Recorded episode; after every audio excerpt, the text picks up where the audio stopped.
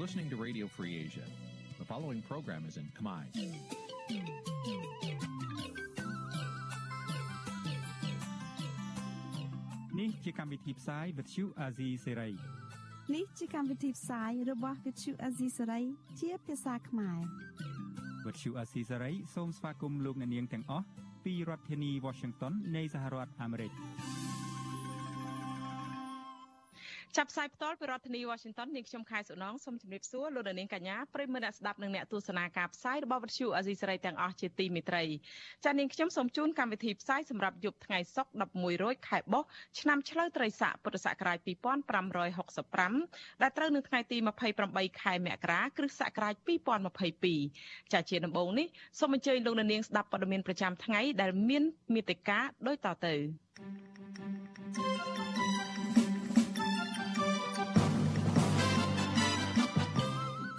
សង្គមស៊ីវិលបារម្ភថាច្បាប់ប្រឆាំងការជ្រៀតជ្រែកពីបរទេសអាចគៀបសង្កត់សិទ្ធិរបស់ពួកគេលោករងឈុនប្រកាសគាំទ្រគណៈបកភ្លើងទៀនអង្គការអន្តរជាតិថាការកាប់ឈើខុសច្បាប់នាំឲ្យរំលោភសិទ្ធិមនុស្សនិងបំផ្លាញវប្បធម៌ជនជាតិដើម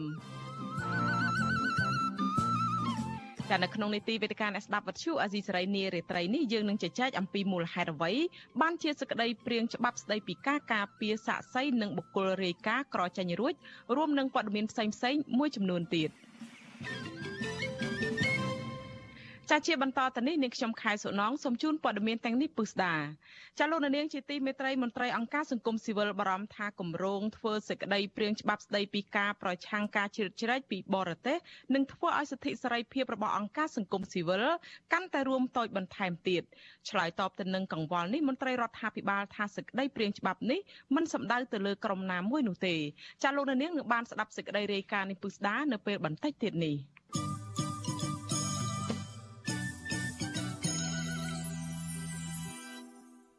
ចាលោកនាងកញ្ញាជាទីមេត្រីអង្គការសង្គមស៊ីវិលកំពុងជំរុញជាថ្មីទៀតឲ្យរដ្ឋាភិបាលពន្លឿនអនុម័តសេចក្តីព្រាងច្បាប់ស្តីពីការការពារសាក់សី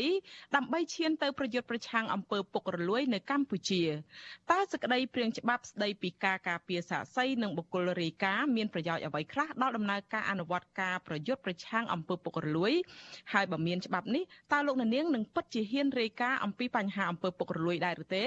ចាលោកនាងអាចចូលរួមស្ដាប់និងទស្សនាហើយនឹងបញ្ចេញមតិយោបល់នៅក្នុងនីតិវេទិកាអ្នកស្ដាប់វិទ្យុអាស៊ីសេរីដែលនឹងជជែកអំពីបញ្ហានេះនៅពេលបន្តិចទៀតហើយលោកអ្នកអាចដាក់លេខទូរស័ព្ទលោកនាង នៅក្នុងខ្ទង់ comment អឺការផ្សាយផ្ទាល់នេះតាម Facebook ឬក៏ខ្ទង់ comment YouTube ដែលកំពុងផ្សាយផ្ទាល់នេះហើយក្រុមការងាររបស់យើងនឹងស្រង់លេខទូរស័ព្ទរបស់លោកនាងហើយហៅត្រឡប់ទៅលោកនាងវិញចាសសូមអរគុណ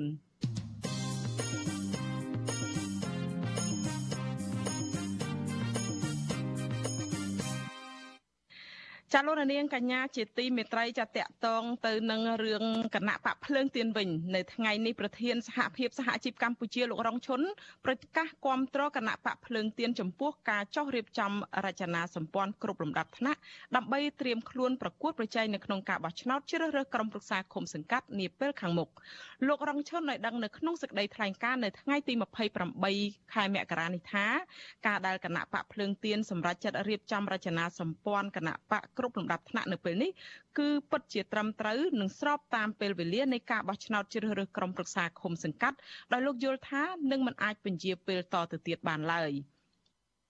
លោករងឈុនរំពឹងថាគណៈបកភ្លើងទៀននឹងក្លាយទៅជាដៃគូប្រកួតប្រជែងជាមួយនឹងគណៈបកកណ្ដាលអំណាចដើម្បីស្ដារសិទ្ធិមនុស្សនិងលទ្ធិប្រជាធិបតេយ្យនៅកម្ពុជាឡើងវិញចាជំវិញបញ្ហានេះយើងបានភ្ជាប់ទៅលោករងឈុនដែលជាប្រធានសហភាពសហជីពកម្ពុជាគឺលោកបានចូលជាមួយយើងតាមប្រព័ន្ធវីដេអូ Skype ជំរាបសួរលោកគ្រូរងឈុនចាបាទជំរាបសួរចាសុខសប្បាយលោកគ្រូចាបាទសុខសប្បាយ ចានៅថ្ងៃនេះខ្ញុំបានឃើញសេចក្តីថ្លែងការណ៍របស់លោកគូក្នុងនាមជាប្រធានសហភាពសហជីពកម្ពុជានឹងថានឹងចូលរួមឲ្យគ្រប់គ្រងគណៈបកភ្លើងទៀនហេតុអីបានជាលោកគ្រូរងឈុនដែលពីមុនធ្លាប់ជាមនុស្សសកម្មជាបុគ្គលដ៏អឺក្រាន់បើដែរនៅក្នុងគណៈបកសង្គ្រោះជាតិហើយធ្លាប់ជាអតីត សមាជិកភាពសមាជិកកោជបផងហើយរបស់គណៈបកសង្គ្រោះជាតិឥឡូវងាកមកបែរចូលរួមគណៈបកភ្លើងទៀននៅពេលនេះទៅវិញចា៎អឺចំពោះរឿងនេះមិនចម្លែកទេបាទយើងដឹងហើយគណៈបកសង្គ្រោះជាតិបើយើងមើលតាំងពីការរំលាយថ្ងៃ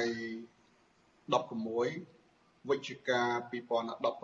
2017ហើយមកដល់ពេលនេះ រយៈពេលជាង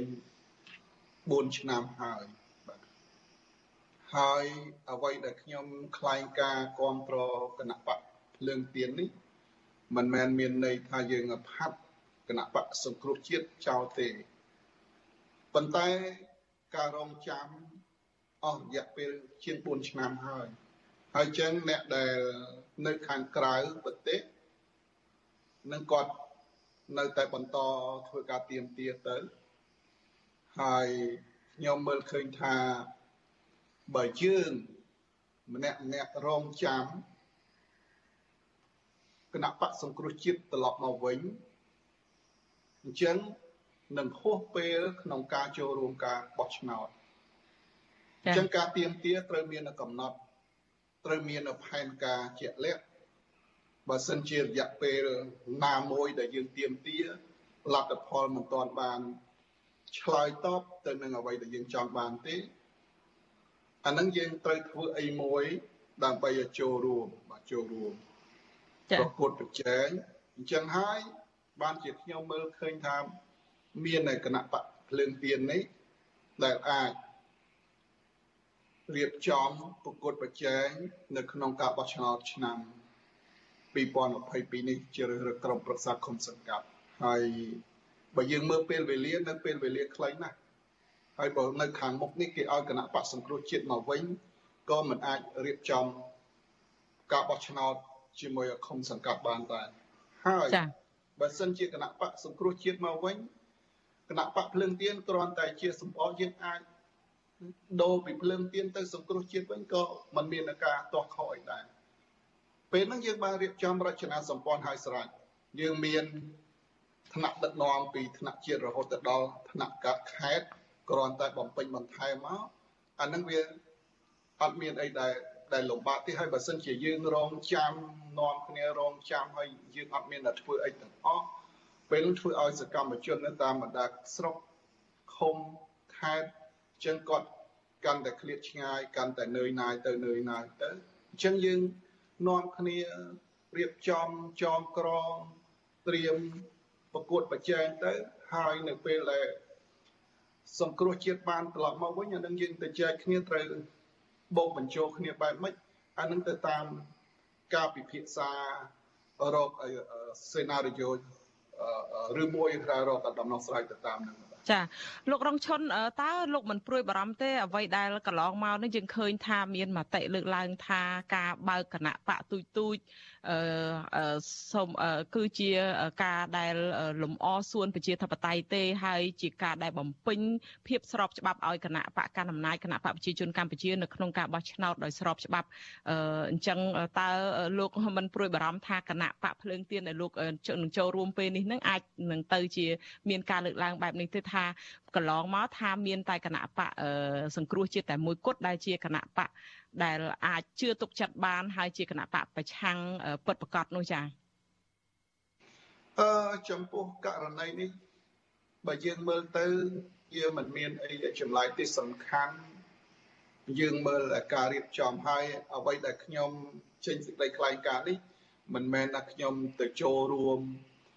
ជីវិតនយោបាយជាមួយគណៈបកភ្លើងទៀនទេយើងមើលនៃនៃក្នុងសេចក្តីថ្លែងការណ៍របស់ខ្ញុំខ្ញុំគ្រាន់តែគ្រប់គ្រងហើយជំរុញឲ្យបងប្អូនជនរួមជាតិខ្មែរដែលស្រឡាញ់ប្រជាធិបតេយ្យដែលគាត់គឺថានៅរារែកអល់ឯកឬមួយនៅរងចាំខ្ញុំមកគិតថាដល់ពេលវេលាហើយយើងមិនចាំបាច់រងចាំទេយើងចូលរួម ទៅហើយបើសិនគេថាគណៈបកភ្លើងទៀនជាគណៈបកលំអជាគណៈបកសួនអាហ្នឹងវានឹងឆ្លើយការពិតនៅពេលដែលលទ្ធផលខាងមុខអញ្ចឹងយើងអាពាក្យដែលថាអានឹងវាជាសេរីភាពរបស់បងប្អូនយើងអ្នកថាហើយអ្នកដែលធ្វើយើងត្រូវមានគោលដៅច្បាស់លាស់ថាយើងត្រូវដើរទៅ កន្លែងណាអានឹងយើងយើងសំខាន់នៅលើខ្លួនយើង ថាតើយើងចង់បានអីយើងដើរទៅកន្លែងណា ហើយចំពោះអ្នកថាជាសេរីភាពរបស់គាត់ហើយយើងមិនអាចទៅប្រតិកម្មឬមួយយើងថានៅទៅបិទមាត់ពួកគាត់មិនអោយថា សំខាន់នៅលើជំហរនិងឆន្ទៈរបស់លើកយើងហើយដូចខ្ញុំអញ្ចឹងក្នុងនាមសភាពមិន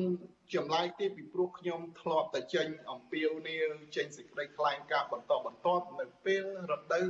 បោះឆ្នោតដល់ជិតមកដល់ខ្ញុំធ្លាប់ចេញជារឿយរឿយកាលនៅគណៈបកសំរងស៊ីគណៈបកសង្គ្រោះជាតិក៏ខ្ញុំមកដែលចេញលិខិតអំពាវនាវជាបន្តបន្ទាប់ឲ្យសមាជិកសមាជិការបស់ខ្លួនចូលរួមគ្រប់គ្រងហើយមិនមែនថាសភាពយើងមិនឯករាជ្យទេជាគោលការណ៍សភាព យើងសម្លឹងឃើញបើគណៈបកណាបំរើឲ្យផលប្រយោជន៍ជាតិផលប្រយោជន៍ជាបរដ្ឋផលប្រយោជន៍កម្មករគ្រូបង្រៀនអញ្ចឹងយើងមានសិទ្ធិអឺអំពាវនាវឲ្យសមាជិកយើងទៅគ្រប់គ្រងនៅបោះឆ្នោតឲ្យគណៈបកមួយហ្នឹងពីព្រោះបើគណៈបកមួយដែលយើងអំពាវនាវឲ្យពួកគាត់ទៅគ្រប់គ្រងហើយបាន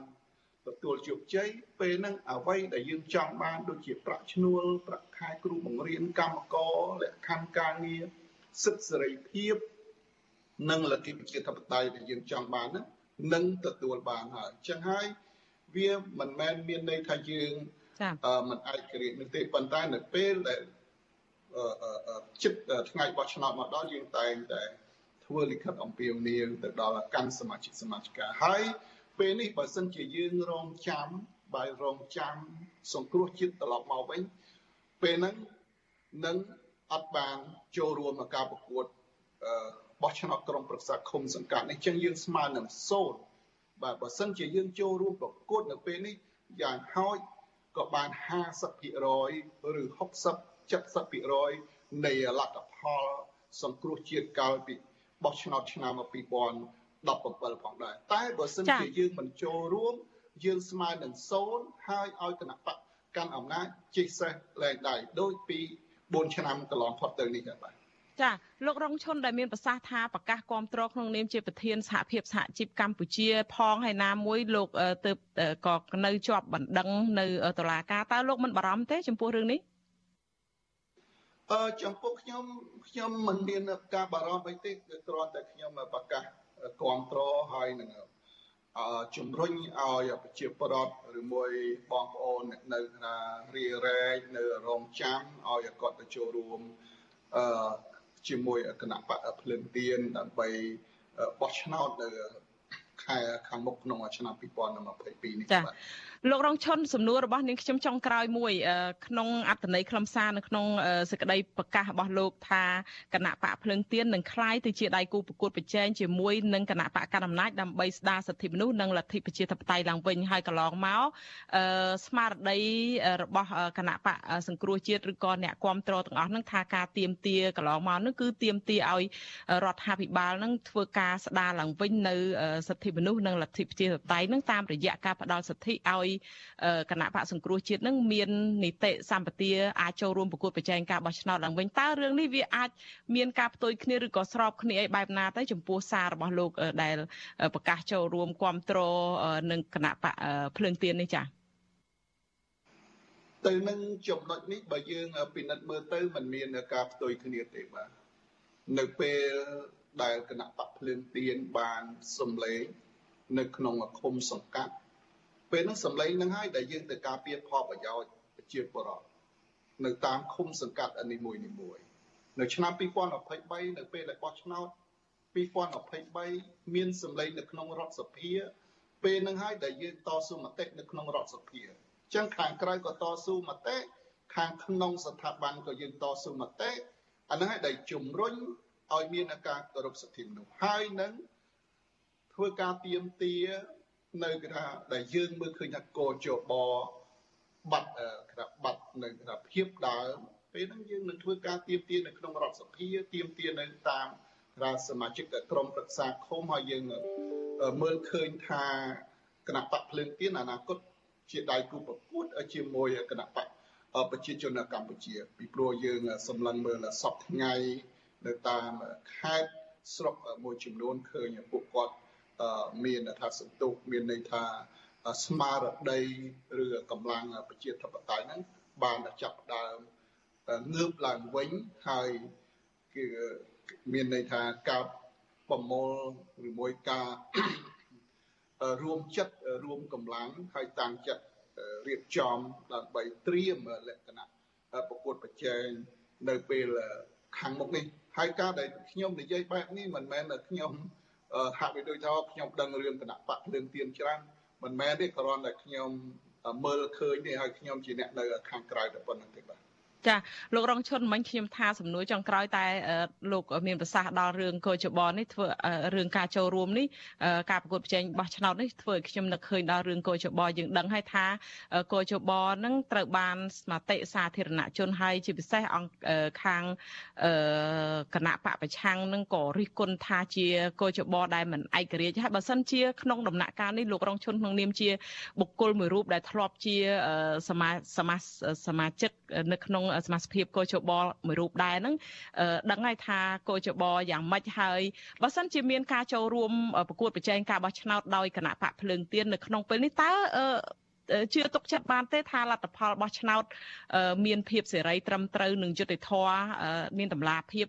អាចជឿទុកចិត្តនៅលទ្ធផលនេះបានចា៎ចំពោះកោជបបច្ចុប្បន្ននេះយើងបាត់អត្តនុចិត្ត ហើយយើងមិនមានជំនឿថាមានសេរីនិងយុត្តិធម៌ប៉ុន្តែធ្វើម៉េចទៅបើបើចូលរួមនៅក្នុងគណៈបកភ្លើងទៀនចាឥឡូវនេះយើងខ្ញុំក៏មិនមែនជាគេថាអ្នកដឹកនាំគណៈបកភ្លើងទៀនដែរហើយគណៈបកភ្លើងទៀនមកដល់ពេលនេះក៏មិនទាន់សម្រេចចិត្តថាចូលរួមបោះឆ្នោតឬមិនចូលរួមបោះឆ្នោតប៉ុន្តែគាត់រៀបចំរៀបចំដូចនៅក្នុងសេចក្តីថ្លែងការណ៍របស់ខ្ញុំចឹងតែគាត់ត្រៀមត្រៀម ដើម្បីគេថាបោះឆ្នោតនៅពេលខាងមុខដ៏ខ្លីហ្នឹងអញ្ចឹងគាត់មិនទាន់ធ្វើការសម្រេចចិត្តថាតើចូលរួមបោះឆ្នោតឬមួយមិនចូលរួមបោះឆ្នោតហើយខ្ញុំក៏មិនមែនជាអ្នកសម្រេចចិត្តដែរនឹងវានៅថ្នាក់ដឹកនាំហើយនឹងគណៈកម្មការអចិន្ត្រៃយ៍គណៈកម្មការនយោបាយរបស់គណៈបកខ្ញុំគ្រាន់តែជាអ្នកនៅខាងក្រៅហើយគ្រាន់តែចូលរួមជំរុញឲ្យបងប្អូនប្រជាពលរដ្ឋក៏ដូចជាសកម្មជន អតីតសង្គ្រោះជាតិក្តីចូលរួមជួយគ្នាដើម្បីធ្វើម៉េចស្ដារនៅការគោរពសិទ្ធិមនុស្សនិងលទ្ធិប្រជាធិបតេយ្យនៅកម្ពុជាយើងនឹងបាទចាអរគុណច្រើនលោករងឈុនតែយ៉ាងណាយើងនឹងចាំមើលទៀតពីដំណើរការនេះចាអរគុណយ៉ាងណាអរគុណច្រើននៅលោកបានចំណាយពេលចូលរួមផ្ដល់បទសម្ភាសជំវិញសេចក្តីប្រកាសរបស់លោកបន្ថែមនៅក្នុងពេលនេះចាសូមជំរាបលាលោករងឈុនត្រឹមប៉ុណ្ណេះសិនចា បាទសូមអរគុណសូមជម្រាបលាបាទ ចាលោកនាងកញ្ញាជាទីមេត្រីចាតកតងទៅនឹងរឿងគណៈបកនយោបាយនេះដែរគណៈបកនយោបាយចំនួន6ប្រកាសមិនទទួលយកការបកស្រាយរបស់កោជបជុំវិញការលុបបំបាត់ព័ត៌មានដ៏សំខាន់នៃកំណត់ហេតុរាប់សម្លឹកឆ្នោតតម្រង់1102ព្រោះថាគ្មានហេតុផលនិងភ័ស្តុតាងច្បាស់លាស់ចាពួកគេទាមទារស្ថាប័ននេះត្រូវរក្សាតម្រង់1102ដដែលហើយត្រូវបង្កើនសមត្ថភាពរបស់មន្ត្រីរៀបចំការបោះឆ្នោតអាចបំពេញភារកិច្ចនេះបាននិងរក្សានៅអព្យាក្រឹតនិងដំណាភាពចាប់ពីរដ្ឋធានី Washington លោកសេកបណ្ឌិតរាយការណ៍អំពីរឿងនេះគណៈបកនយោបាយចំនួន6មានដូចជាគណៈបកប្រជាធិបតេយ្យមូលដ្ឋានគណៈបកកម្ពុជានិយមគណៈបកកែតម្រង់កម្ពុជាគណៈបកកម្លាំងប្រជាធិបតេយ្យគណៈបកបំណងពលរដ្ឋនិងគណៈបកភ្លើងទៀនបានចេញញត្តិរួមគ្នាកាលពីថ្ងៃទី27ខែមករាថា ការបំភ្លឺ និងការបកស្រាយរបស់គោចបអំពីមូលហេតុនៃនីតិវិធីដែលលុបបំបាត់ព័ត៌មានដ៏សំខាន់នៃកំណត់ហេតុរាប់សន្លឹកឆ្នោតទម្រង់ត1102និងលែងឲ្យចែកជូនកំណត់ហេតុនេះដល់ភ្នាក់ងារគណៈបកនយោបាយដែលមានវត្តមាននៅការិយាល័យបោះឆ្នោតគឺមិនអាចទទួលយកបានឡើយគណៈបកនយោបាយទាំងនោះមើលឃើញថាគោចបមិនបានបង្ហាញភ័ស្តុតាងអំពីកំហុសឆ្គង ដែលកើតឡើងចំពោះការបោះឆ្នោតកន្លងទៅ ដូចជាចំនួននៅការិយាល័យបោះឆ្នោតឬការវាយតម្លៃនៃទំហំខូចខាតដោយសារទម្រង់ត1102ដែលនាំឲ្យសម្រេចលុបបំបាត់ព័ត៌មានសំខាន់សំខាន់និងចាំបាច់រួមមានចំនួនសន្លឹកឆ្នោត ដែលបានទទួលសន្លឹកឆ្នោតដែលមិនបានប្រើ និងសន្លឹកឆ្នោតខូចក្នុងកំណត់ហេតុនៃការរាប់សន្លឹកឆ្នោតទម្រង់ត1102ឲ្យបានច្បាស់លាស់និងជឿជាក់បានឡើយ ជាមួយគ្នានេះគណៈបកនយោបាយទាំងនេះយល់ថាគោចបត្រូវបង្កើនសមត្ថភាពរបស់មន្ត្រីរៀបចំការបោះឆ្នោតឲ្យមានសមត្ថភាពអាចបំពេញភារកិច្ចនេះបាន និងរក្សានៅអព្យាក្រឹតភាពតម្លាភាពដើម្បីធានាឲ្យមានការបោះឆ្នោតប្រព្រឹត្តដោយសេរី ត្រឹមត្រូវនិងយុត្តិធម៌ស្របតាមគោលការណ៍ប្រជាធិបតេយ្យសេរីពហុបកដោយមានចែងនៅក្នុងរដ្ឋធម្មនុញ្ញ មន្ត្រីទទួលបន្ទុកកិច្ចការបោះឆ្នោតរបស់គណៈបកកម្ពុជានិយម លោកយីសីហាថ្លែងថាចាប់តាំងពីគោចបក្រងលុបទម្រង់នេះគណៈបកនយោបាយបានស្នើទៅគោចបចំនួន3ដងរួចមកហើយព្រោះរឿងនេះអាចជះឥទ្ធិពលដល់ដំណើរការប្រគល់ប្រជែងរបស់គណៈបកនយោបាយគណៈសមាជិកគោចបបច្ចុប្បន្នមកពីគណៈបកកាន់អំណាចលោកបញ្ជាក់ថានីតិវិធីបោះឆ្នោតពីមុនមក ទម្រង់1102ត្រូវបានប្រធានការិយាល័យបោះឆ្នោតចែកជូនភ្នាក់ងារគណៈបកនយោបាយដែលមានវត្តមានក្រោយពេលរាប់សន្លឹកឆ្នោតរួចភ្លាមភ្លាមដូច្នេះគណៈបកនយោបាយអាចដឹងអំពីលទ្ធផលបឋមរបស់ខ្លួន និងរក្សាទម្រង់នេះទុកសម្រាប់ភ័ស្តុតាង យកទៅផ្ទៀងផ្ទាត់បន្តទៀតប៉ុន្តែលោកថានីតិវិធីថ្មីវិញ ការិយាល័យបោះឆ្នោតចម្លងតែចំនួន3ច្បាប់សម្រាប់បិទនៅការិយាល័យរាប់សន្លឹកឆ្នោតមួយច្បាប់ ចម្លងទៅបិទនៅទីស្នាក់ការឃុំសង្កាត់រៀបចំការបោះឆ្នោតមួយច្បាប់ និងមួយច្បាប់ទៀតច្រកចូលក្នុងកញ្ចប់ផ្ញើទៅគោចបដែលគណៈបកនយោបាយអាចចម្លងដោយដៃនិងការថតចម្លង ដែលនាំឲ្យបាត់ទំនុកចិត្តតម្លាភាព និងជះឥទ្ធិពលដល់លទ្ធផលបោះឆ្នោតការឆ្លើយតបបែបហ្នឹងខ្ញុំគិតថាវាជាការឆ្លើយតបមួយអត់មានការទទួលខុសត្រូវទេក្នុងនាមយើងជាស្ថាប័នឯករាជ្យអព្យាក្រឹតហើយដើម្បីចូលរួមធ្វើឲ្យការបោះឆ្នោតមានលក្ខណៈល្អប្រសើរព្រោះយើងគិតថាយើងដោះស្រាយដោះស្រាយបញ្ហាជាមួយអ្នកមានបញ្ហាយើងមិនអាចដោះស្រាយជាមួយអ្នកអត់មានបញ្ហាទេអ្វីដែលយើងចង់ចង់ទទួលយកបានគឺយើងចង់ឲ្យកោចបហ្នឹងហៅដំណើរគណៈបកទាំងអស់ទៅជួបពិភាក្សាគ្នាវិញពីគ្រោះច្បងគ្នាវិញថាយើងគួរតែធ្វើយ៉ាងម៉េចទោះឲ្យវាមានភាពផ្គត់បញ្ជាច្បាស់លាស់ទទួលយកបានណា វិទ្យុអាស៊ីសេរីនៅពុំទាន់អាចតាក់ទងអ្នកនាំពាក្យគណៈកម្មាធិការជ្រៀបចំការបោះឆ្នោតកោជបលោកហងពុធា ដើម្បីបញ្ជាក់ជុំវិញរឿងនេះបានទេ នៅថ្ងៃទី28ខែមករាកាលពីថ្ងៃទី14ខែមករាអគ្គលេខាធិការកោជបលោកទេពនិថាបញ្ជាក់នៅក្នុងជំនួបជាមួយនឹងគណៈបកនយោបាយទាំង3និងតំណាងអង្គការសង្គមស៊ីវិលថាហេតុផលដែលមានការកែប្រែលើចំណុចនេះ ដោយសាររដ្ឋាភិបាលផ្ដល់ថវិកាមួយចំនួនឲ្យកោជបមានលទ្ធភាពទិញកុំព្យូទ័រនិងម៉ាស៊ីនថតចម្លង សម្រាប់ផ្ដល់ជូនទៅគណៈកម្មការរៀបចំការបោះឆ្នោតនៅឃុំសង្កាត់ លោកអះអាងថាការបោះឆ្នោតកន្លងមកគណៈកម្មការឃុំសង្កាត់ពុំមានសម្ភារៈឧបករណ៍ទាំងអស់នេះទេ ហើយម្យ៉ាងទៀតការប្រើប្រាស់ប្រព័ន្ធបច្ចេកវិទ្យានឹងជួយកាត់បន្ថយកំហុសឆ្គងមួយចំនួនរបស់មន្ត្រីការិយាល័យបោះឆ្នោត លោកទេពនេះថាអះអាងទៀតថាតំណាងគណៈបកនយោបាយនៅតែទទួលបានទម្រង់1102ដដែល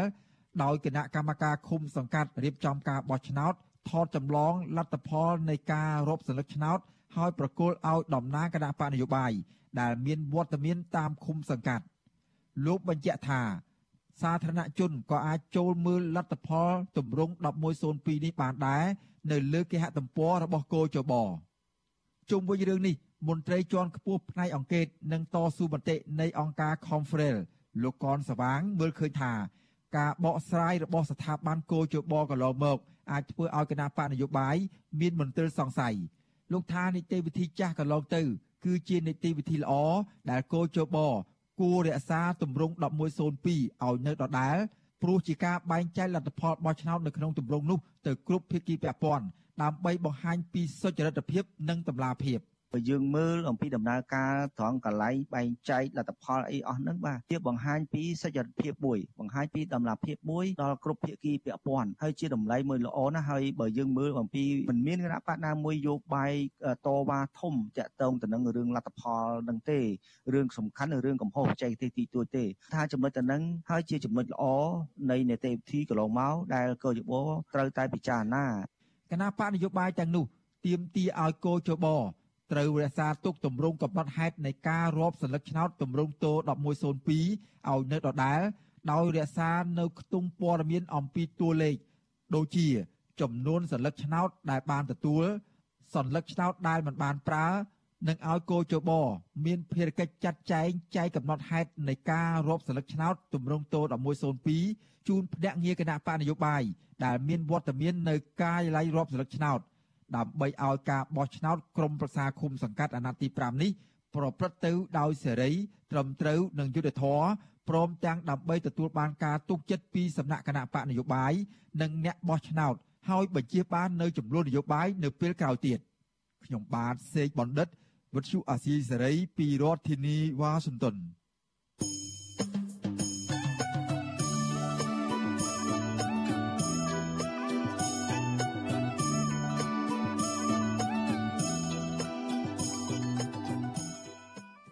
ចាលោកនាងកញ្ញាជាទីមេត្រីចាក្រៅពីលោកនាងទស្សនាការផ្សាយផ្ទាល់វិទ្យុអេស៊ីសេរីលើបណ្ដាញសង្គម Facebook និង YouTube នេះចាលោកនាងក៏អាចស្ដាប់ការផ្សាយតផ្ទាល់តាមរយៈវិទ្យុរលក ធាតុអាកាសខ្លីឬ Shortwave តាមកម្រិតនិងកម្ពស់ដូចតទៅនេះពេលព្រឹកចាប់ពីម៉ោង5កន្លះដល់ម៉ោង6កន្លះតាមរយៈរលក ធាតុអាកាសខ្លី9390 kHz ស្មើនឹងកម្ពស់ 32m និង11850 kHz ស្មើនឹងកម្ពស់ 25m ចានៅពេលយប់ពីម៉ោង7កន្លះដល់ម៉ោង8កន្លះតាមរយៈរលកធាតុអាកាសខ្លី9390 kHz ស្មើនឹងកម្ពស់ 32m និង15155 kHz ស្មើនឹងកម្ពស់ 20m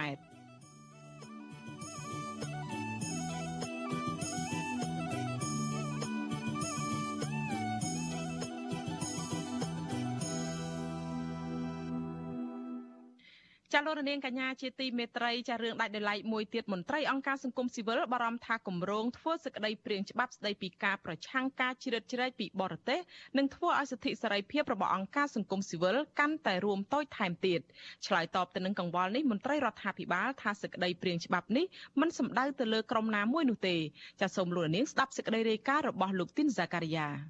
ក្រុមអង្គការសង្គមស៊ីវិលព្រួយបារម្ភថា ការធ្វើសេចក្តីព្រាងច្បាប់ស្តីពីការប្រឆាំងការជិតជ្រែកពីរដ្ឋាភិបាលបរទេសហាក់សំដៅមកគៀបសង្កត់ក្រុមអង្គការសង្គមស៊ីវិលដែលពួកគេទាំងនេះភាគច្រើនទទួលថវិកាពីម្ចាស់ជំនួយបរទេសក្នុងការធ្វើសកម្មភាពសិទ្ធិមនុស្សប្រជាធិបតេយ្យនិងចូលរួមអភិវឌ្ឍជាតិជាមួយរដ្ឋាភិបាលប្រធានអង្គការសម្ព័ន្ធភាពការពារសិទ្ធិមនុស្សកម្ពុជាហៅកាត់ថាច្រាក់លោករស់សថាលើកឡើងថាកន្លងទៅរដ្ឋាភិបាលបានបង្កើតច្បាប់មួយចំនួនដែលរងការរិះគន់ថាគៀបសង្កត់អង្គការសង្គមស៊ីវិលរួចទៅហើយដូច្នេះ ការបង្កើតច្បាប់ថ្មីទៀតនេះនឹងធ្វើឲ្យសិទ្ធិសេរីភាពរបស់អង្គការសង្គមស៊ីវិលកាន់តែរួមតូចចង្អៀតថែមទៀតមន្ត្រីអង្គការសង្គមស៊ីវិលរំនេះយល់ថាក្នុងដំណាក់កាលនៃការប្រមូលធាតុចូលនៃការធ្វើច្បាប់នេះរដ្ឋាភិបាលគួរតែប្រឹក្សាយោបល់ឲ្យទូលំទូលាយជាមួយអ្នកពាក់ព័ន្ធជាពិសេសក្រុមអង្គការមិនមែនរដ្ឋាភិបាលហើយច្បាប់នេះត្រូវគោរពសិទ្ធិជាមូលដ្ឋាននិងបទដ្ឋានអន្តរជាតិជាដើមចឹងហើយមានច្បាប់នឹងមួយទៀតគឺការដែលធ្វើឲ្យឃើញថាហាក់បីដូចជាថាបញ្ហាសិទ្ធិសេរីភាពនឹងក៏ត្រូវបានហុំពោណា បាទយើងពួយបារម្ភមិនជិតចោតតនចោតប្រកាន់អីទេគ្រាន់តែថាមានការពួយបារម្ភថាអង្គការសង្គមស៊ីវិលនឹងក្នុងមុខព្រួយនៃការដេញប្រុងប្រយ័ត្នរបស់រដ្ឋាភិបាលកាលពីចុងឆ្នាំ2021កន្លងទៅលោកនាយករដ្ឋមន្ត្រីហ៊ុនសែនបានប្រើឲ្យរដ្ឋសភាឯកបកកែប្រែរដ្ឋធម្មនុញ្ញឲ្យមានដំណងកម្ពូលកម្ពូលមាននាយករដ្ឋមន្ត្រីប្រធានព្រឹទ្ធសភាប្រធានរដ្ឋសភាមានសញ្ជាតិខ្មែរតែមួយដែលលោកហ៊ុនសែនអះអាងថាដើម្បីទប់ស្កាត់ការជឿជ្រែកពីបរទេស។ ទោះជាយ៉ាងណាក៏ដោយអ្នកខ្លំមើលចាត់ទុកថាច្បាប់កំណត់សញ្ជាតិនេះគឺមានគោលដៅដើម្បីរារាំងលោកសំរងស៊ីមិនឲ្យឡើងកាន់តំណែងជានាយករដ្ឋមន្ត្រីបាននាយករដ្ឋមន្ត្រីបន្ទុកផ្នែកខ្លំមើលសិទ្ធិមនុស្សនៃអង្គការលីកាដូលោកអំសំអាតលើកឡើងថាកន្លងទៅអង្គការសង្គមស៊ីវិលមួយចំនួនត្រូវបានរដ្ឋាភិបាលចោទប្រកាន់ថាយកលុយពីបរទេសចូលរួមធ្វើបដិវត្តពណ៌ដូច្នេះនៅពេលមានការធ្វើច្បាប់ដែលមានការរដ្ឋបတ်តាក់ទងនឹងការទទួលថវិកាពីបរទេសក្នុងការចូលរួមអភិវឌ្ឍប្រទេសបែបនេះ ក្រុមអង្គការសង្គមស៊ីវិលប្រឈមនឹងការចាប់ប្រកាន់កាន់តែខ្លាំងលោកយល់ថាស្ថានភាពកម្ពុជានាពេលបច្ចុប្បន្នមិនគួរធ្វើច្បាប់នេះទេលោករំលឹកថារដ្ឋាភិបាលមានច្បាប់ប្រឆាំងនឹងអំពើភេរវកម្មនិងច្បាប់ស្តីពីការប្រឆាំងការលាងលុយកខ្វក់ច្បាប់ស្តីពីអង្គការសង្គមស៊ីវិលហើយក្រុមអង្គការសង្គមស៊ីវិលក៏បានចុះបញ្ជីត្រឹមត្រូវនៅក្រសួងមហាផ្ទៃនិងក្រសួងការបរទេសមុនធ្វើសកម្មភាពរបស់ខ្លួនផងដែរ។ ហើយបើសិនជាមានបាត់ហ្នឹងគេនឹងអាចប៉ះពាល់ទៅដល់ជាពិសេសទាក់ទងដំណើរការនៃអង្គការសង្គមស៊ីវិលក៏ដូចជាសហជីពទាំងត្រូវមានការត្រួតពិនិត្យយ៉ាងតឹងរ៉ឹងចំពោះលំហូរចូលនៃចំនួនឬថាការធ្វើសកម្មភាពការមើលឃើញហើយជាការព្រួយបារម្ភរបស់អង្គការសង្គមស៊ីវិលការព្រួយបារម្ភរបស់ក្រុមអង្គការសង្គមស៊ីវិលនៅពេលនេះក្រោយពីក្រសួងមហាផ្ទៃកំពុងប្រមូលធាតុចូលក្នុងការធ្វើសេចក្តីព្រាងច្បាប់ស្តីពីការប្រឆាំងការជិតជ្រែកពីរដ្ឋបរទេសតែទៅនឹងករណីនេះ វិទ្យុអាស៊ីសេរីមិនអាចសុំការបញ្ជាក់បន្ថែមពីអ្នកនាំពាក្យក្រសួងមហាផ្ទៃលោកខៀវសុភ័ក្រដើម្បីសួរអំពីបញ្ហានេះបានទេនៅថ្ងៃទី28មករាទោះជាយ៉ាងណាលោកខៀវសុភ័ក្រប្រាប់វិទ្យុក្នុងស្រុកថា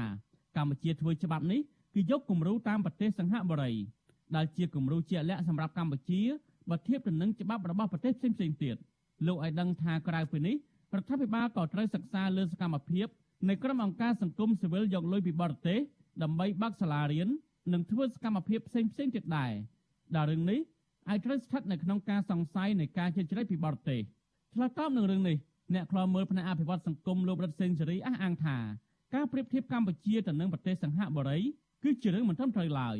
លោកបញ្ជាក់ថាទោះបីជាសង្ហបុរីមានច្បាប់នេះក៏ដោយប៉ុន្តែសង្ហបុរីជាប្រទេសអនុវត្តច្បាប់មិនដូចកម្ពុជាអនុវត្តច្បាប់តាមនីតិមាត់របស់អ្នកនយោបាយឡើយ យើងពិបាកនៅក្នុងការប្រៀបធៀបជាមួយនឹងប្រទេសសិង្ហបុរីណាព្រោះប្រទេសសិង្ហបុរីជាជាប្រទេសមួយដែលមានការគោរពច្បាប់យើងអត់និយាយពីប្រព័ន្ធដឹកនាំរដ្ឋទេយើងនិយាយអំពីពលរដ្ឋឬក៏យើងនិយាយអំពីការអនុវត្តច្បាប់គេមានទៅច្បាប់ល្អហើយការអនុវត្តច្បាប់មានប្រសិទ្ធភាពទន្ទឹមនឹងពលរដ្ឋរបស់គេមានគុណភាពផងហើយច្បាប់នៅស្រុកយើងយើងមានច្រើនយើងមានសឹងតែសម្បូរបែបដូចគេដូចឯងដែរប៉ុន្តែការអនុវត្តច្បាប់របស់យើងហ្នឹងគឺ វាស្ថិតនៅក្រោមអធិបុលរបស់អ្នកនយោបាយចឹងហើយយើងពិបាកធានាទៅលើទៅលើភាពយុត្តិធម៌បន្ថែមពីនេះនៅវិភាគលើកឡើងថាលហ៊ុនសែនទៅវិញទេដែលដឹកនាំប្រទេសមានការជិតជ្រែកពីបរទេសនោះក្រៅពីងាកដឹកនាំទៅរកចិនដែលជាមិត្តដៃថែបនោះរដ្ឋាភិបាលឯកបៈរបស់លោកហ៊ុនសែនតែងតែរងការរិះគន់ថាមិនទាន់រួចផុតពីការត្រួតត្រារបស់ប្រទេសវៀតណាមដែលជាហេតុធ្វើឲ្យមេដឹកនាំរបបនេះមិនហ៊ានលុកដៃដោះស្រាយបញ្ហាធំធំមួយចំនួនទាក់ទងទៅនឹងផលប្រយោជន៍របស់ប្រទេសវៀតណាម ដែលរួមទាំងវិស័យនយោបាយសេដ្ឋកិច្ចពាណិជ្ជកម្មបញ្ហាព្រំដែនបញ្ហាជនអន្តោប្រវេសន៍វៀតណាមនិងទំនាក់ទំនងបរទេសឬអាចនិយាយបានថាលោកហ៊ុនសែនបើកដៃឲ្យវៀតណាមទទួលបានផលចំណេញស្ទើរតែទាំងស្រុងបញ្ហានេះក៏ដោយសារតែគេមើលឃើញថាលោកហ៊ុនសែនជាមេដឹកនាំលើកបន្តដោយវៀតណាមថ្មីថ្មីនេះទៀតសោតការប្រកាសដាក់លោកហ៊ុនម៉ាណែតជាបេក្ខភាពនាយករដ្ឋមន្ត្រីស្នងតំណែងពីឪពុកគឺលោកហ៊ុនសែននោះក៏ទំនងជាមានភ្លើងខៀវពីវៀតណាមដែរ អ្នកនាំពាក្យរដ្ឋាភិបាលលោកផៃសិផានប្រាប់ថាលោកមិនទាន់ទទួលបានព័ត៌មានលម្អិតពីក្រសួងមហាផ្ទៃនៅឡើយទេទោះជាយ៉ាងណាលោកថាការធ្វើច្បាប់នេះគឺជារឿងធម្មតាលោកផៃសិផានអះអាងថាគម្រោងធ្វើច្បាប់នេះសម្រាប់អនុវត្តទូទៅមិនមែនសំដៅតែទៅលើក្រុមអង្គការសង្គមស៊ីវិលក្រៅរដ្ឋាភិបាលនោះឡើយ ពីខាងក្រោយខ្នងនៃការសកម្មជនហ្នឹងពីការបំរើផលប្រយោជន៍បរទេសដែលមានបរទេសនៅពីក្រោយខ្នងគឺចង្អុលបង្ហាញឬតាក់តែងសកម្មភាពនោះអាហ្នឹងវាអាចជាប់ថាជាប់ហ្នឹងហើយអាហ្នឹងអញ្ចឹងដូច្នេះច្បាប់ហ្នឹងខ្ញុំជឿជាក់ថាវាបែអនុវត្តជាសកលទេមិនមែនថាអ្នកណាជាអ្នកណែទេទោះជាយ៉ាងណាមន្ត្រីអង្គការសង្គមស៊ីវិលជំរុញរដ្ឋាភិបាលគួរតែពង្រឹងការអនុវត្តច្បាប់ដោយមានស្រាប់ឲ្យមានប្រសិទ្ធភាពនិងធ្វើវិសោធនកម្មច្បាប់មួយចំនួន ដែលមានចរិតគៀបសង្កត់សិទ្ធិបរដ្ឋសិទ្ធិអង្គការសង្គមស៊ីវិលជាជាងការធ្វើច្បាប់ថ្មីដែលមិនមែនជាតម្រូវការចាំបាច់ក្នុងពេលនេះទេខ្ញុំទីនសាការីយ៉ាអសិសរីប្រធានីវ៉ាស៊ីនតោន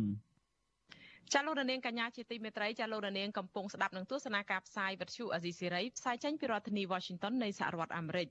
អង្គការលើកលែងទោសអន្តរជាតិ Amnesty International បានផ្សាយរបាយការណ៍ស្រាវជ្រាវថ្មីមួយដែលរកឃើញថាការកាប់ឈើខុសច្បាប់នៅតំបន់ព្រៃការពារធម្មជាតិបង្កើតឲ្យមានការរំលោភសិទ្ធិមនុស្សនិងលុបបំបាត់ទំនៀមទម្លាប់ប្រពៃណីជនជាតិដើមភាគតិចនៅកម្ពុជាអង្គការអន្តរជាតិមួយនេះជំរុញឲ្យរដ្ឋាភិបាលត្រូវតែបញ្ឈប់ការកាប់ឈើខុសច្បាប់ដោយទប់ស្កាត់ជាបន្ទាន់នៅអំពើពុករលួយដែលកំពុងកើតមានយ៉ាងច្រើនសន្ធឹកសន្ធាប់ចាប់ពីរដ្ឋធានី Washington លោកលេងម៉ាលីរាយការណ៍អំពីរឿងនេះរបាយការណ៍ដែលមានចំណងជើងថាទំនៀមទម្លាប់ជនជាតិដើមភាគតិចគួយកំពុងត្រូវបានគេបំផ្លាញដោយសារការកាប់ឈើខុសច្បាប់នៅតំបន់ព្រៃការពារធម្មជាតិបង្ហាញឲ្យឃើញពីការគៀបសង្កត់សិទ្ធិជនជាតិដើមភាគតិច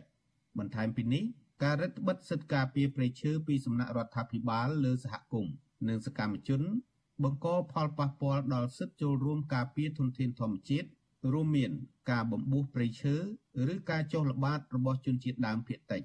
របាយការណ៍ជាង4ទំព័រចេញផ្សាយនៅថ្ងៃទី28មករាបន្ថែមថាប្រទេសកម្ពុជាទទួលរងការកាប់បំផ្លាញព្រៃឈើខ្ពស់ជាងគេនៅលើពិភពលោកក្នុងរយៈពេលប្រមាណទសវត្សរ៍ចុងក្រោយនេះដោយបាត់បង់ព្រៃឈើប្រមាណ64%នៃគម្របដើមឈើចាប់តាំងពីឆ្នាំ2011រហូតដល់បច្ចុប្បន្ន អង្គការលើកលែងទោសអន្តរជាតិបានគណនាពីចម្ងាយដោយប្រើប្រព័ន្ធទិន្នន័យកាលពីពេលថ្មីៗនេះដោយរកឃើញថាគម្របព្រៃឈើទំហំជាង6000ហិកតាស្ថិតក្នុងដែនជម្រកសត្វព្រៃឡង់និងព្រៃព្រះរកាត្រូវបានកាប់បំផ្លាញនៅក្នុងឆ្នាំ2021លើពីនេះទៀតមូលហេតុចម្បងនាំឲ្យមានការកាប់ឈើខុសច្បាប់គឺការទទួលសំណូកនិងការប្រព្រឹត្តអំពើពុករលួយរបស់អាជ្ញាធរពាក់ព័ន្ធ មន្ត្រីតស៊ូមតិរបស់សមាគមបណ្ដាញយុវជនកម្ពុជា លោកសាន់ម៉ាឡាយល់ថារដ្ឋាភិបាលគួរតែយកចិត្តទុកដាក់ពិនិត្យរបាយការណ៍នេះនិងដោះស្រាយបញ្ហាដោយវិជ្ជមានជៀសវាងច្រានចោលដដែលៗធ្វើឲ្យវិបត្តិព្រៃឈើគ្មានច្រកចេញ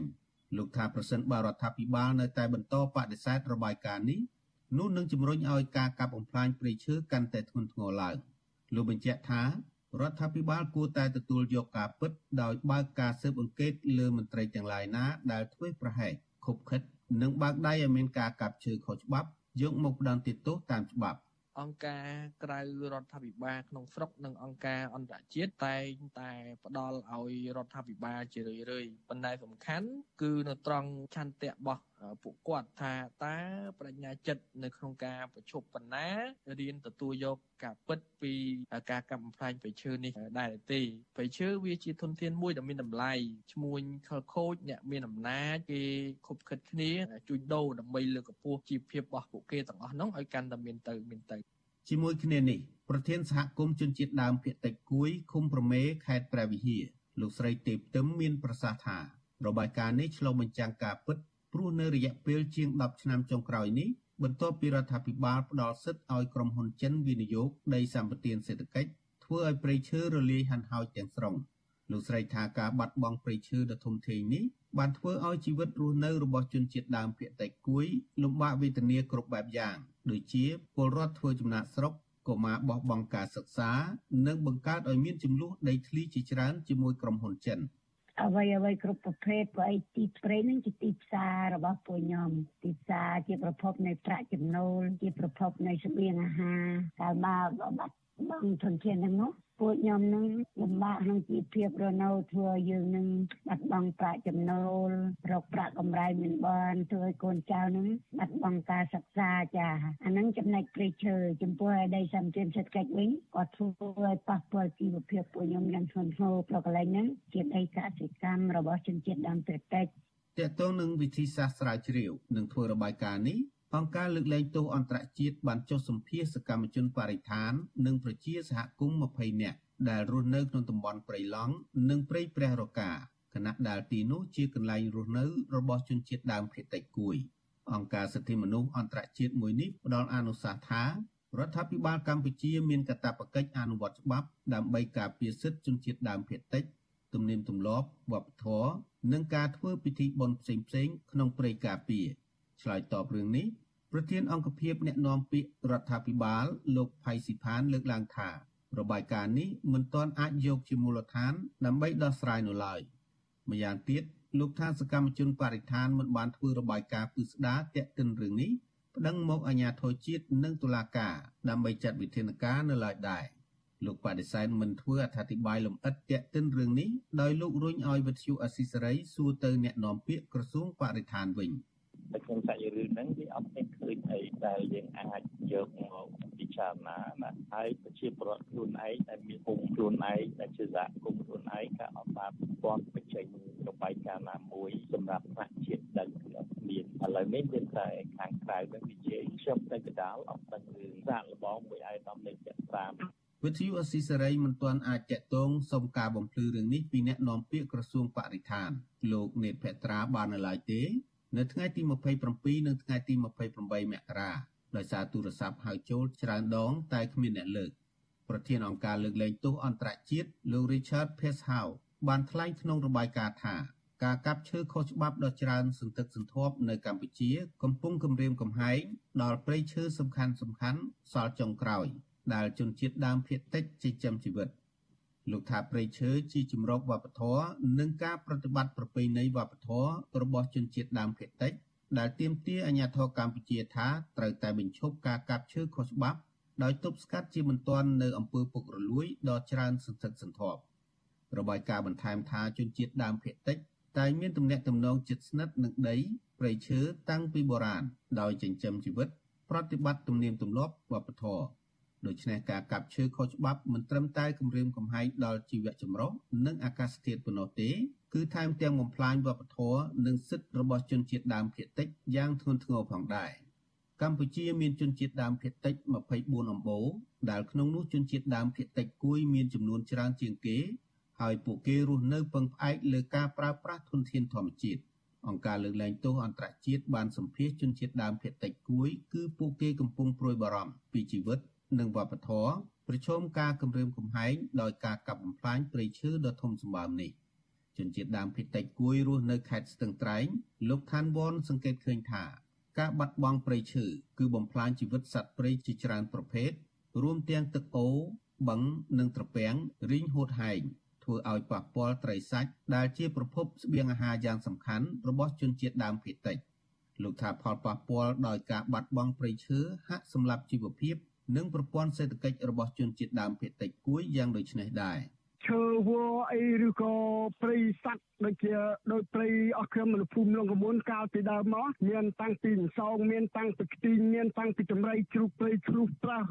មានជាអីមានទាំងអស់តែឥឡូវដល់បាត់បង់ព្រៃឈើហើយសត្វអស់ទាំងនោះគឺអត់មានឃើញស្មោលទេនៅមិនថាខ្មែរយើងវាបាត់បង់អស់ហើយបើបាត់ព្រៃឈើអស់ហើយលែងលែងមានអីជារំពឹងទៀតហើយអារឿងបឹងប៊ូវាកាន់ណាស់ទៅទៀតហើយតាមអូតាមប្រឡាយអីវាវាអត់មានជាព្រៃសត្វអត់មានដូចពីដើមទេរបាយការណ៍បន្តថាជនជាតិដើមភាគតិចគួយរស់នៅជុំវិញព្រៃឡង់និងព្រៃព្រះរកាភាគច្រើនពឹងផ្អែកលើការប្រើប្រាស់ព្រៃឈើសម្រាប់ជីវភាពរស់នៅដូចជាដងជាប់ទឹកដែលមិនប៉ះពាល់ដើមឈើហើយជាប់ទឹកនេះត្រូវបានលក់និងប្រើប្រាស់ក្នុងស្រុករីឯក្រុមអ្នកកាប់ឈើបានកំណត់គោលដៅកាន់តែខ្លាំងលើដើមឈើជ័រផលិតជាប់ទឹកដើម្បីធ្វើអាជីវកម្ម ដើមឈើផលិតជាប់ទឹកចំនួន2ប្រភេទត្រូវបានរកឃើញនៅក្នុងព្រៃព្រះរកាប៉ុន្តែបច្ចុប្បន្នក្រុមឈ្មួញសម្រុកកាប់បំផ្លាញវា ដើម្បីយកដើមផលិតជាគ្រឿងសង្ហារឹមដូចជាតុទ្វារកៅអីក្រែនិងគ្រឿងផ្ទះជាដើមខ្ញុំបាទលេងម៉ាលីវិទ្យុអស៊ីសេរីរាយការណ៍ពីរដ្ឋធានី Washington ចាលោកនាងកញ្ញាជាទីមេត្រីអង្គការសង្គមស៊ីវិលកំពុងជំរុញជាថ្មីទៀតឲ្យរដ្ឋាភិបាលពន្លឿនអនុម័តសេចក្តីព្រាងច្បាប់ស្តីពីការការពារសាកសីដើម្បីឈានទៅប្រយុទ្ធប្រឆាំងអំពើពុករលួយនៅកម្ពុជាតើសេចក្តីព្រាងច្បាប់ស្តីពីការការពារសាកសីនិងបុគ្គលរាយការណ៍មានប្រយោជន៍អ្វីខ្លះដល់ដំណើរការអនុវត្តការប្រយុទ្ធប្រឆាំងអំពើពុករលួយហើយបើមានច្បាប់នេះថាតើលោកនាងពិតជាហ៊ានរាយការណ៍ពីបញ្ហាអំពើពុករលួយដែរឬទេចាសសូមលោកនាងរងចាំស្ដាប់នឹងទស្សនានេតិវេទិកាអ្នកស្ដាប់វិទ្យុអាស៊ីសេរីជំវិញបញ្ហានេះនៅពេលបន្តិចទៀតហើយប្រសិនជាលោកនាងមានជាសំណួរឬក៏មតិយោបល់លោកអ្នកអាចដាក់លេខទូរស័ព្ទរបស់លោកអ្នកនៅក្នុងប្រអប់សារ Messenger Facebook ឬក៏ខ្ទង់ comment Facebook ឬក៏ YouTube ដែលកំពុងផ្សាយផ្ទាល់នេះក្រុមការងាររបស់យើងនឹងស្រង់លេខទូរស័ព្ទលោកនាងហើយហៅត្រឡប់ទៅលោកនាងវិញចាសសូមអរគុណ thank you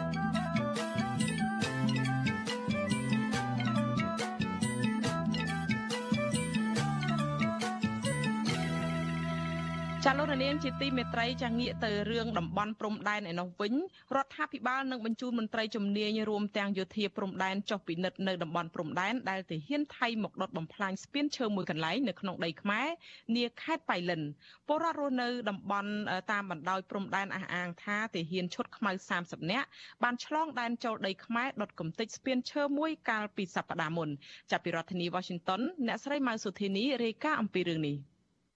មន្ត្រីជាន់ខ្ពស់រដ្ឋាភិបាលនៅមិនទាន់ជឿថាពិតជាមានតែហ៊ានឆត់ខ្មៅថៃជាច្រើនអ្នកឆ្លងដែនចូលដីខ្មែរ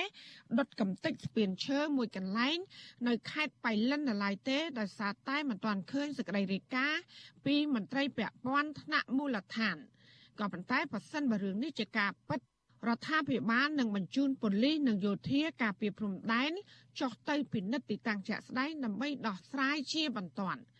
ប្រធានអង្គភិបអ្នកនាំពាក្យរដ្ឋាភិបាលលោកផៃស៊ីផានប្រាប់វត្ថុអសីស្រីនៅថ្ងៃទី28ខែមករាថាលោកនៅពុំទាន់បានទទួលព័ត៌មានតាក់ទងករណីនេះនៅឡើយតែយ៉ាងណាលោកថាប៉ះសិនបើរឿងនេះជាការពិត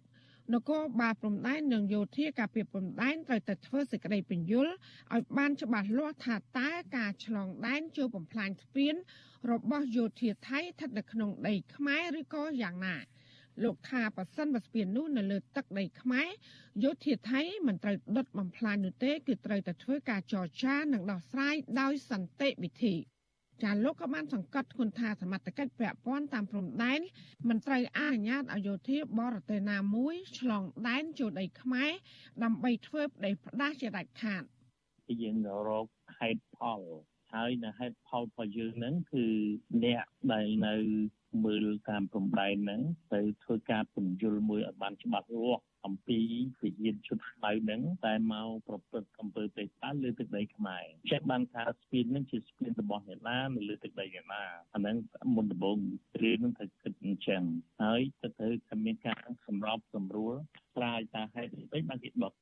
កាលពីថ្ងៃទី23និងទី24ខែមករាទាហានឈុតខ្មែរថៃមួយក្រុមដែលមានគ្នាជាង30នាក់បានឆ្លងដែនចូលមកដុតស្ពានឈើឆ្លងអូមួយកន្លែង នៅចំណុចវាលស្បូវក្នុងភូមិបហុយត្បូងសង្កាត់បយ៉ាខាក្រុងបៃលិន ដែលមានចម្ងាយប្រមាណជា100ម៉ែត្រពីព្រំដែនបរដ្ឋរស់នៅក្បែរព្រំដែនកម្ពុជាថៃអះអាងថាក្រុមយោធាថៃប្រដាប់ដោយកំភ្លើង បាននាំគ្នាមកដុតស្ពានចំនួន2ដង ដែលបណ្ដាលឲ្យឆេះក្តារក្រាស្ពានទាំងស្រុងបន្សល់ទុកសសរបង្គោលផ្ដេកអមសងខាងស្ពានពីដើមឆ្លើយតបរឿងនេះអ្នកនាំពាក្យកងទ័ពជើងគោកលោកម៉ៅផល្លាបកថ្លៃថាលោកនៅមិនទាន់បានទទួលព័ត៌មាននេះពីមេបញ្ជាការភូមិភាគ3ប្រចាំទិសជួរមុខបៃលិនសំឡូតបាននៅឡើយទេមកដល់ពេលនេះ តែយ៉ាងណាលោកថាប្រសិនបបរដ្ឋបានរាយការណ៍ផ្ទាល់ប្រាប់ទាហាននៅតំបន់នោះគឺមន្ត្រីយោធានឹងចុះទៅពិនិត្យភ្លាមស្របតាមគោលការណ៍រួមរបស់រដ្ឋាភិបាល និងអគ្គបញ្ជាការយោធាអនុវត្តទៅត្រួតទី1ត្រួតពិនិត្យទី2យើងទៅចរចាដោយសម្របសម្រួលគ្នាជាមួយក្រុមការងារព្រំដែនរបស់ថៃនិងកម្ពុជាបាទបើសិនជាមានរឿងគឺគឺយើងមិនអាចធ្វើអីផ្សេងបានក្រៅពីការជួបពិភាក្សាគ្នារវាងគណៈកម្មការសម្របសម្រួលព្រំដែនទេបាទ វិទ្យុអសីស្រីនៅមិនទាន់អាចតតងសុំការបំភ្លឺរឿងនេះបន្ថែម ពីអ្នកនាំពាក្យក្រសួងការបរទេសកម្ពុជាលោកជុំសុនារី និងមន្ត្រីស្ថានទូតថៃប្រចាំកម្ពុជា បាននៅឡើយទេ នៅថ្ងៃទី28ខែមករានេះទោះយ៉ាងណាគណៈបពប្រឆាំងមើលឃើញថាអាញាធរកម្ពុជា និងយោធាព្រំដែនខ្មែរគួរតែចេញមុខ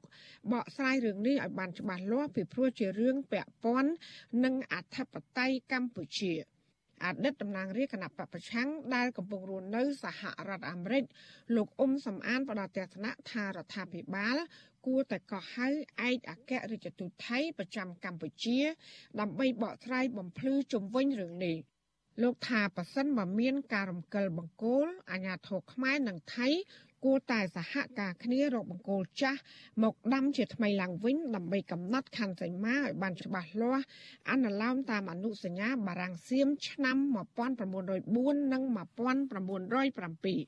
រាន់តែរកបង្គោលចាស់ទីតាំងបង្គោលចាស់ដែលបារាំងគេបោះជាមួយថៃហ្នឹងទៅឲ្យបោះបង្គោលហ្នឹងឡើងវិញទៅបើសិនមានការរំកិល បង្គោលណាមួយចូលមកទឹកដីកម្ពុជាទៅរកអាទីតាំងបង្គោលចាស់ទៅបោះឡើងវិញទៅវាចប់សពគ្រប់ហើយมันយើងមិនដឹងថាមិនដឹងថាហេតុអីបានជារដ្ឋាភិបាលហ៊ុនសែនមិនព្រមបោះបង្គោលព្រំដែនឲ្យច្បាស់លាស់ជាមួយថៃក៏មកថៃរំលោភបំពានមកលើបរិយាភាពទឹកដីកម្ពុជាបន្តទៀតណា កម្ពុជាមានព្រំដែនជាមួយប្រទេសថៃប្រវែង804គីឡូម៉ែត្រដែលមានបង្គោលចំនួន73បង្គោលកំណត់ក្នុងអនុសញ្ញាបារាំងសៀមនៅឆ្នាំ1904និងឆ្នាំ1907ដែលបានទទួលស្គាល់ជាអន្តរជាតិខេត្តដែលជាប់ព្រំដែនជាមួយថៃរួមមានខេត្តបៃលិនកោះកុងបាត់ដំបងបន្ទាយមានជ័យឧត្តរមានជ័យនិងខេត្តព្រះវិហារ ចាននាងខ្ញុំម៉ៃសុធានីវិទ្យុអាស៊ីស្រីប្រធានាធិបតី Washington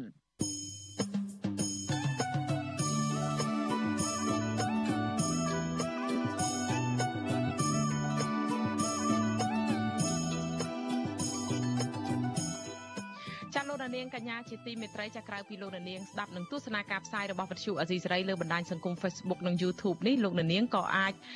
ស្ដាប់ការផ្សាយផ្ទាល់ដំណើរគ្នានេះតាមវិទ្យុរលកធាតុអាកាសខ្លីឬ Shortwave តាមកម្រិតនិងកម្ពស់ដូចតទៅនេះចាប់ពេលព្រឹកចាប់ពីម៉ោង5កន្លះដល់ម៉ោង6កន្លះតាមរយៈរលកធាតុអាកាសខ្លី9390 kHz ស្មើនឹងកម្ពស់ 32m និង11850 kHz ស្មើនឹងកម្ពស់ 25m ចានៅពេលយប់ពីម៉ោង7កន្លះដល់ម៉ោង8កន្លះតាមរយៈរលកធាតុអាកាសខ្លី9390 kHz ស្មើនឹងកម្ពស់ 32m និង15155 kHz ស្មើនឹងកម្ពស់ 20m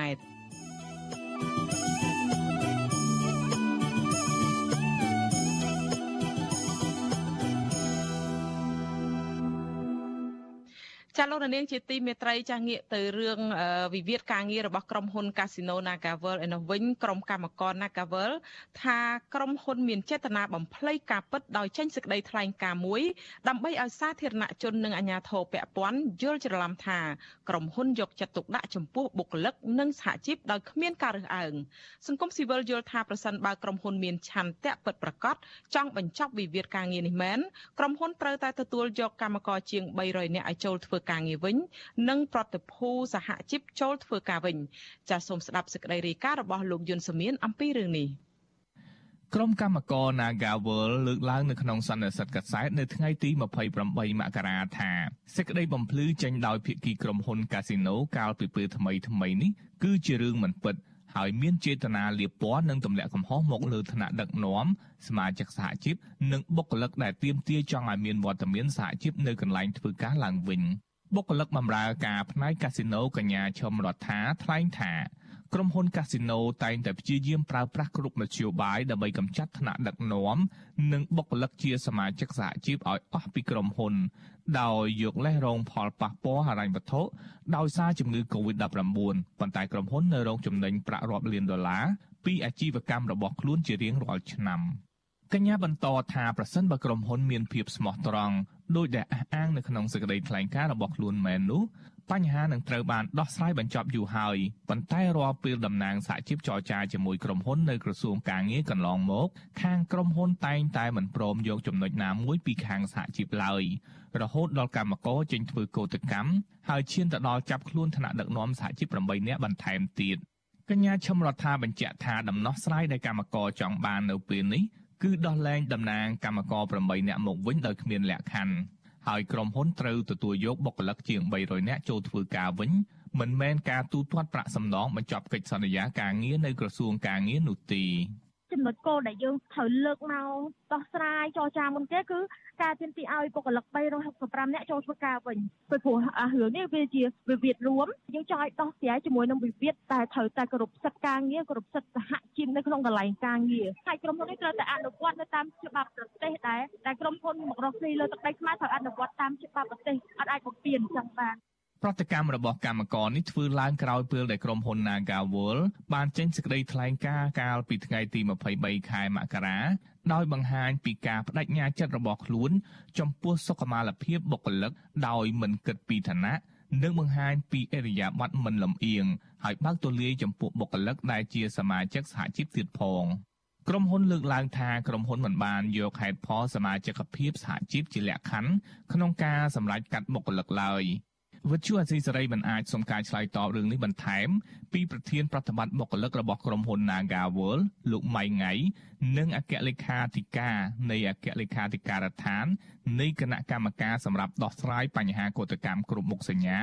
នៃក្រសួងការងារលោកទេស រុក្ខផលបានទេ នៅថ្ងៃទី28មករាដោយហៅទូរស័ព្ទចូលតែពុំមានអ្នកទទួល តាក់ទងទៅនឹងរឿងនេះអ្នកគ្រប់គ្រងកម្មវិធីសិទ្ធិការងារនៃអង្គការសង្ត្រាល់លោកខុនតារ៉ូមានប្រសាសន៍ថាទង្វើរបស់ក្រុមហ៊ុនកន្លងមកបង្ហាញថាក្រុមហ៊ុនមានចេតនាចង់រំលាយសហជីពព្រោះក្រុមហ៊ុនបានព្យាយាមរំលាយសហជីព3ដងរួចមកហើយ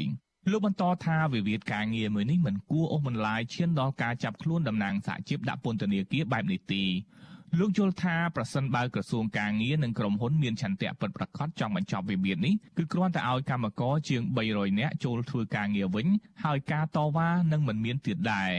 លោកស្នើតុលាការឲ្យទម្លាក់ចោលបទចោទហើយដោះលែងតំណាងសហជីព Nagawal 8នាក់ឲ្យមានសេរីភាពវិញដើម្បីបើកផ្លូវឲ្យពួកគេចូលទៅតុចរចា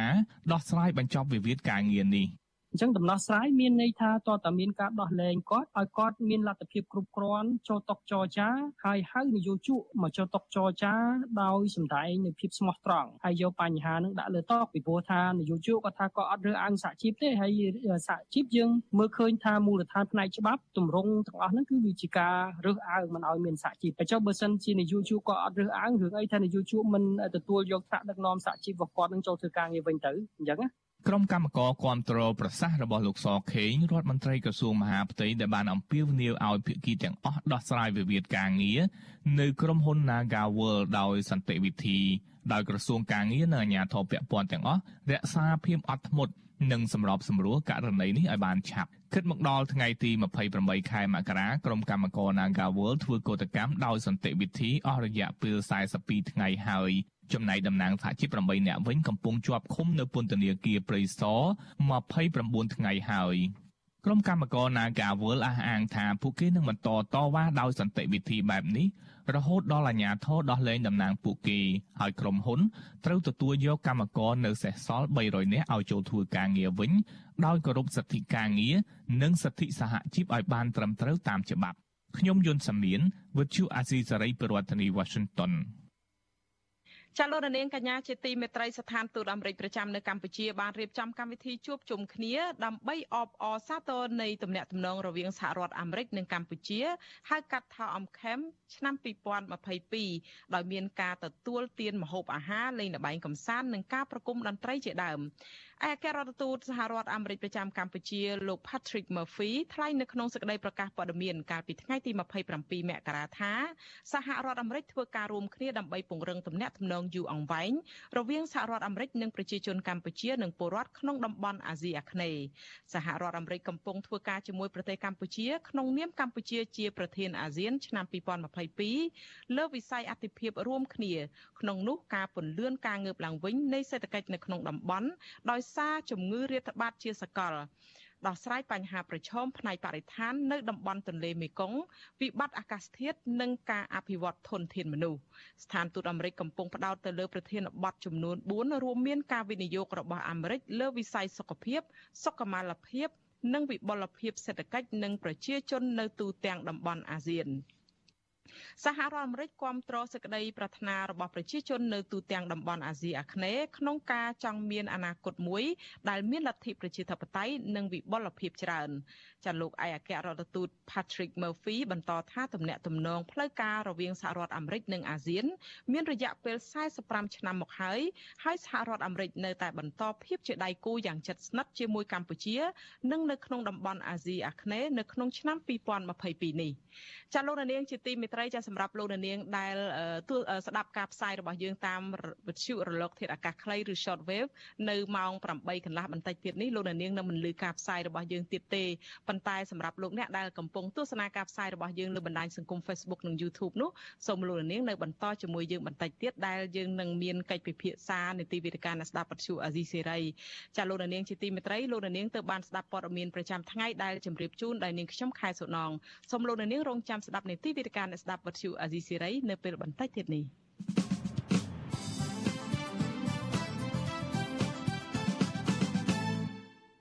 ចាលោកនាងកញ្ញាជាទីមេត្រីជាបន្តទៅនេះសូមអញ្ជើញលោកនាងទស្សនាកិច្ចពិភាក្សានីតិវេទិកាអ្នកស្ដាប់ពទ្យុអាស៊ីសេរី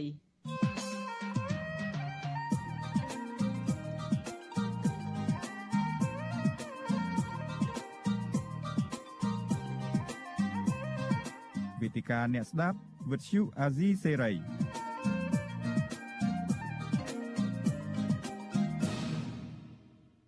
ចាលោកនាងជាទីមេត្រីនេះខ្ញុំខែសំណងសូមជម្រាបសួរលោកនាងជាថ្មីម្ដងទៀតចានៅក្នុងនេតិវេទិកាអ្នកស្ដាប់វិទ្យុអេស៊ីស្រីនារាត្រីថ្ងៃសុក្រទី28មករានេះចាយើងនឹងជជែកអំពីប្រធានបទហេតុអីបានជាសេចក្តីព្រាងច្បាប់ស្តីពីការការពារសាកសីនិងបុគ្គលរាយការណ៍ក្រចេញម្លេះចានៅក្នុងកិច្ចពិភាក្សារបស់យើងនារាត្រីនេះយើងមានភ្ញៀវពីររូបគឺនាយកវិទ្យាស្ថានតស៊ូមតិនិងគោលនយោបាយហៅកាត់ថា API គឺលោកឡាំសុជាតិចាហើយ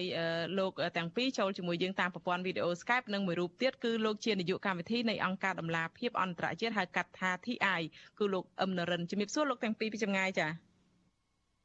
បាទជំរាបសួរជំរាបសួរបាទចា ចាលោកនាងជាទីមេត្រីដោយលោកនាងបានដឹងហើយថាអង្គការដំឡាភិបអន្តរជាតិ Transparency International បានដាក់ចំណាត់ថ្នាក់ផ្នែកអំពើពុករលួយសម្រាប់ឆ្នាំ2021ឲ្យរដ្ឋាភិបាលកម្ពុជានឹងល្អជាងឆ្នាំ2020បន្តិចទេគឺកើនឡើងពីបន្ទុកចាហើយតួលេខនេះនៅតែបង្ហាញថាកម្ពុជាជាប់លេខរៀងខាងប្រព្រឹត្តអំពើពុករលួយអាក្រក់ជាងគេនៅក្នុងតំបន់អាស៊ានដដែលចានៅក្នុងឆ្នាំ2021កម្ពុជានៅតែបន្តលេខរៀងបាត់តារាងនៅក្នុងតំបន់អាស៊ីអាគ្នេយ៍ខាងប្រពន្ធអំពើពុករលួយខ្លាំងជាងគេនេះគឺក្នុងចំណោមប្រទេស180ប្រទេសនៅទូទាំងពិភពលោកហើយកម្ពុជាស្ថិតនៅក្នុងលេខរៀងលេខ157ដោយទទួលបានពិន្ទុល្អជាងឆ្នាំមុននឹង2ពិន្ទុចាហើយអឺជាទីទូទៅរឿងការប្រយុទ្ធប្រឆាំងអំពើពុករលួយនេះគឺ